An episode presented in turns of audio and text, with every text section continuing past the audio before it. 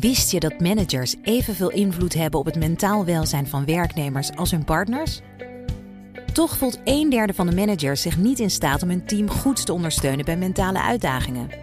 Via het Open Up platform geef je jouw managers de tools die ze nodig hebben om dit wel te doen. Zo zijn jouw teams beter bestand tegen de uitdagingen van het dagelijks leven, thuis en op het werk. Benieuwd wat we voor jouw managers kunnen betekenen? Ga naar openup.nl/slash bedrijven. Let's open up! Factgoeroes. Oh, dit gezegd hebben, dan weet ik zeker dat ik volgende week onderwerp ben van Frank Leeman. Onze factguru. Zeker. Dat dacht ik al. Frank, goedemorgen. Goedemorgen. De- Deze week iets naar aanleiding van de bericht van vorige week... dat nu alle supermarkten in Nederland zijn gestopt met de plofkip. Ook de boni. En alles is minstens beter leven, één ster kip. Ja, precies. En het gaat dan om twee uitspraken. De plofkip is beter voor het klimaat.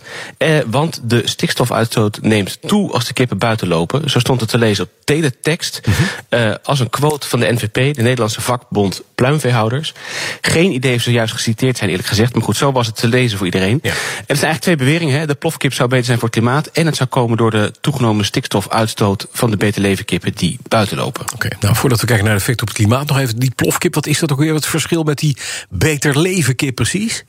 Ja, nou, veel mensen denken bij de plofkip toch nog aan hormonen. Maar in Nederland is sinds 1961 al het vlees al groeihormoonvrij. Maar wat is dan wel die plofkip? Nou, de beste partij om dat eh, uit te leggen leek me Wakker Dier. Aan wie we de term plofkip zo ongeveer te danken hebben. De plofkip is een kuiken wat speciaal is gefokt om heel veel vlees te krijgen. Waardoor je eigenlijk van klein kuikentje binnen zes weken al een kip van meer dan 2 kilo hebt die klaar is voor de slacht. Het verschil tussen eh, zo'n 1 beter leefsterkip en de plofkip is dus dat het echt een ander dier is. Dus een ander ras kip, wat veel minder snel groeit. Verder krijgt het 70% meer ruimte in de stal. Daglicht, strobalen, granen op de grond. En waar wij heel enthousiast van worden, een overdekte uitloop naar buiten.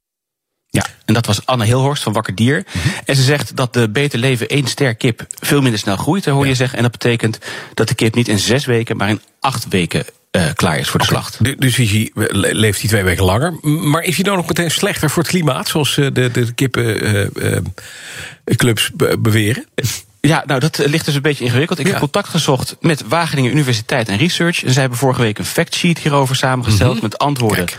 van diverse specialisten bij de WUR. En ik sprak eh, met Bram Bos, senior researcher bij Wageningen Livestock Research. Als je alleen maar kijkt naar hoeveel voer zo'n kip nodig heeft om slachterrijp te worden, dan is een eh, snelgroeiende kip die is efficiënter. Want die, is, die leeft korter, zes weken. Dus die heeft ook minder voer nodig. En de klimaatimpact van de voerproductie is dan lager. Eh, als je het zo bekijkt, klopt die stelling. Oké, dat klinkt alsof er een maar aankomt bij Bram Bos, toch? Ja, zeker. Want Wageningen heeft recent het concept van de tragere groeier nog eens helemaal doorgerekend. En daaruit kwam iets verrassends. Die tragere groeier heeft minder soja in zijn dieet. Dat heeft onder andere te maken met dat het een ander ras is. En omdat er minder soja in zit, dat is relevant voor klimaat. Omdat als je soja importeert uit Brazilië bijvoorbeeld, dan is er een grote kans dat dat van grond komt wat recent omgebouwd van tropisch regenwoud en akkerland. Dat noemen we eh, verandering van landgebruik, land use change. Ja, en dat land use change is een hele belangrijke factor. Als je zo'n milieuberekening gaat doen. Want de CO2 die opgeslagen zit in zo'n woud, die komt vrij wanneer je zo'n bos ja, vernietigt.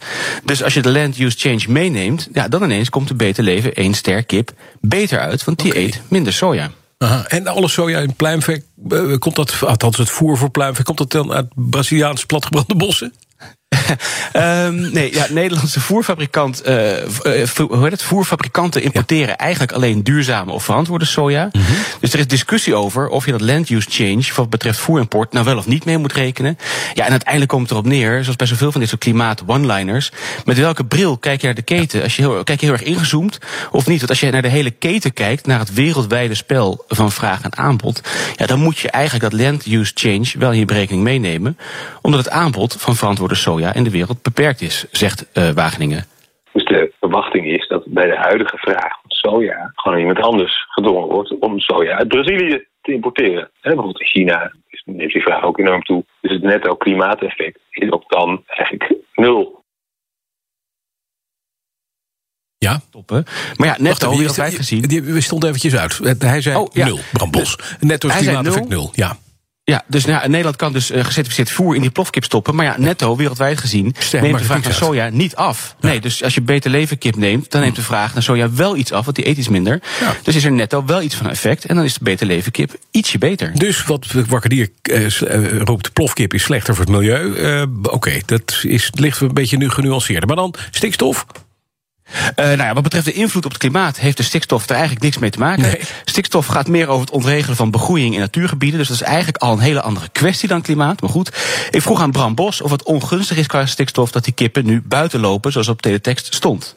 Die kippen lopen niet buiten in Beter Leven keurmerk 1 ster. Dat is onzin. Wat ze toegevoegd krijgen is een overdekte ruimte die naast de stal zit. En die is natuurlijk wel open naar buiten toe. Maar dat is geen buitenruimte.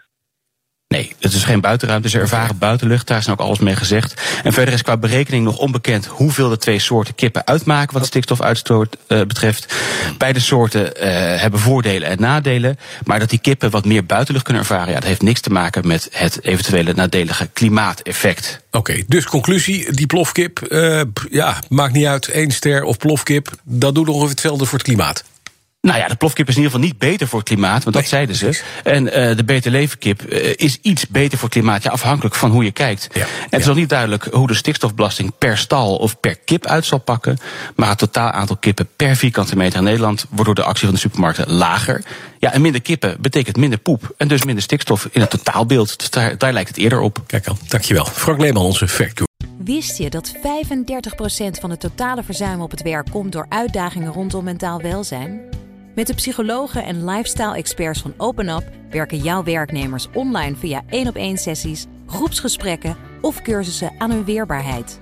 Zo zijn jouw teams beter bestand tegen de uitdagingen van het dagelijks leven, thuis en op het werk.